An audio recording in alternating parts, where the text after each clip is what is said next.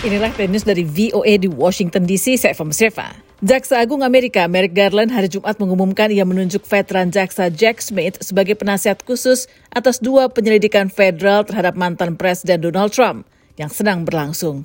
Today, I signed an order appointing Jack Smith to serve as special counsel. The order authorizes him to continue the ongoing investigation into both of the matters that I have just described and to prosecute any federal crimes that may arise from those investigations. Mr. Smith is a veteran career prosecutor. Garland juga memaparkan bahwa Smith, mantan kepala bagian integritas publik di Departemen Kehakiman yang juga mantan kepala jaksa untuk pengadilan khusus di Den Haag, akan kembali ke Washington DC untuk segera mengambil alih penyelidikan. Investigasi pertama akan dipusatkan pada apakah ada seseorang atau entitas telah secara tidak sah mencampuri peralihan kekuasaan setelah pemilihan presiden tahun 2020 atau proses sertifikasi suara Electoral College yang diadakan pada atau sekitar tanggal 6 Januari 2021. Ujar Garland merujuk pada upaya Trump dan rekan-rekannya untuk membatalkan hasil pemilu presiden terakhir. Sementara penyelidikan kedua melibatkan penanganan dokumen-dokumen rahasia dan catatan lain oleh Trump, serta kemungkinan menghalang-halangi penyelidikan federal. Trump sendiri belum didakwa dalam kedua kasus itu. Pengumuman Garland itu disampaikan tiga hari setelah Trump mengumumkan pencalonan dirinya kembali, sebuah langkah yang memperumit kapabilitas Departemen Kehakiman untuk menyelidiki mantan dan calon saingan presiden saat ini. Ketika warga berkumpul untuk sholat Jumat di sebuah masjid di bagian tengah Doha, mereka ikut mengomentari keputusan pemerintah Qatar pada hari Jumat yang melarang penjualan bir di stadion-stadion sepak bola.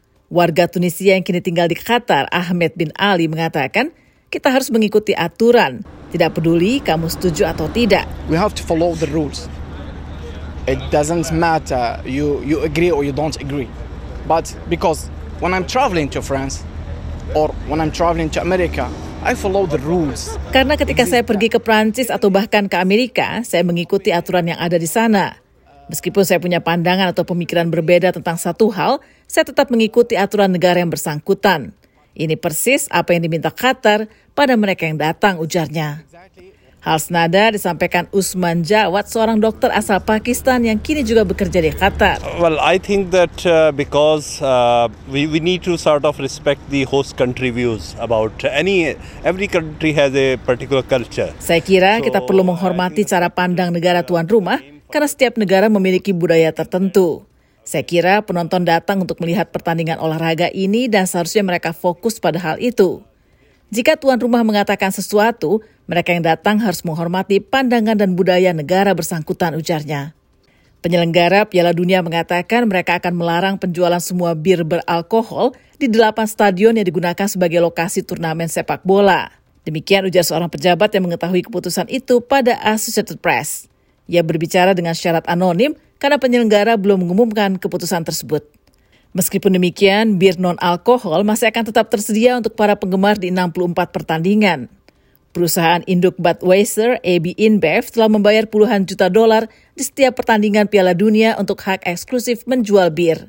Kemitraan perusahaan itu dengan FIFA telah dimulai sejak turnamen tahun 1986.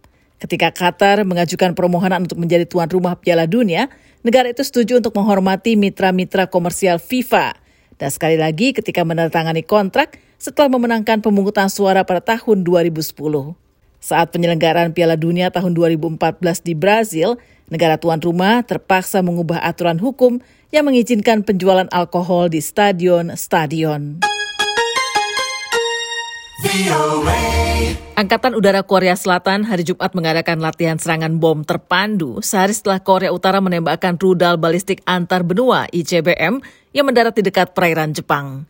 Dalam latihan itu, pesawat tempur siluman F-35A menarget transporter erector launcher dengan bom berpemandu GBU-12. Pesawat F-35A itu juga terbang di atas Laut Timur bersama beberapa pesawat tempur F-16 Amerika. Kepala Staf Gabungan Korea Selatan Jumat pagi mengatakan pihaknya mendeteksi peluncuran ICBM dari wilayah ibu kota Korea Utara sekitar pukul 10.15 waktu setempat dan terbang melintasi negara itu menuju pantai timur Korea Utara.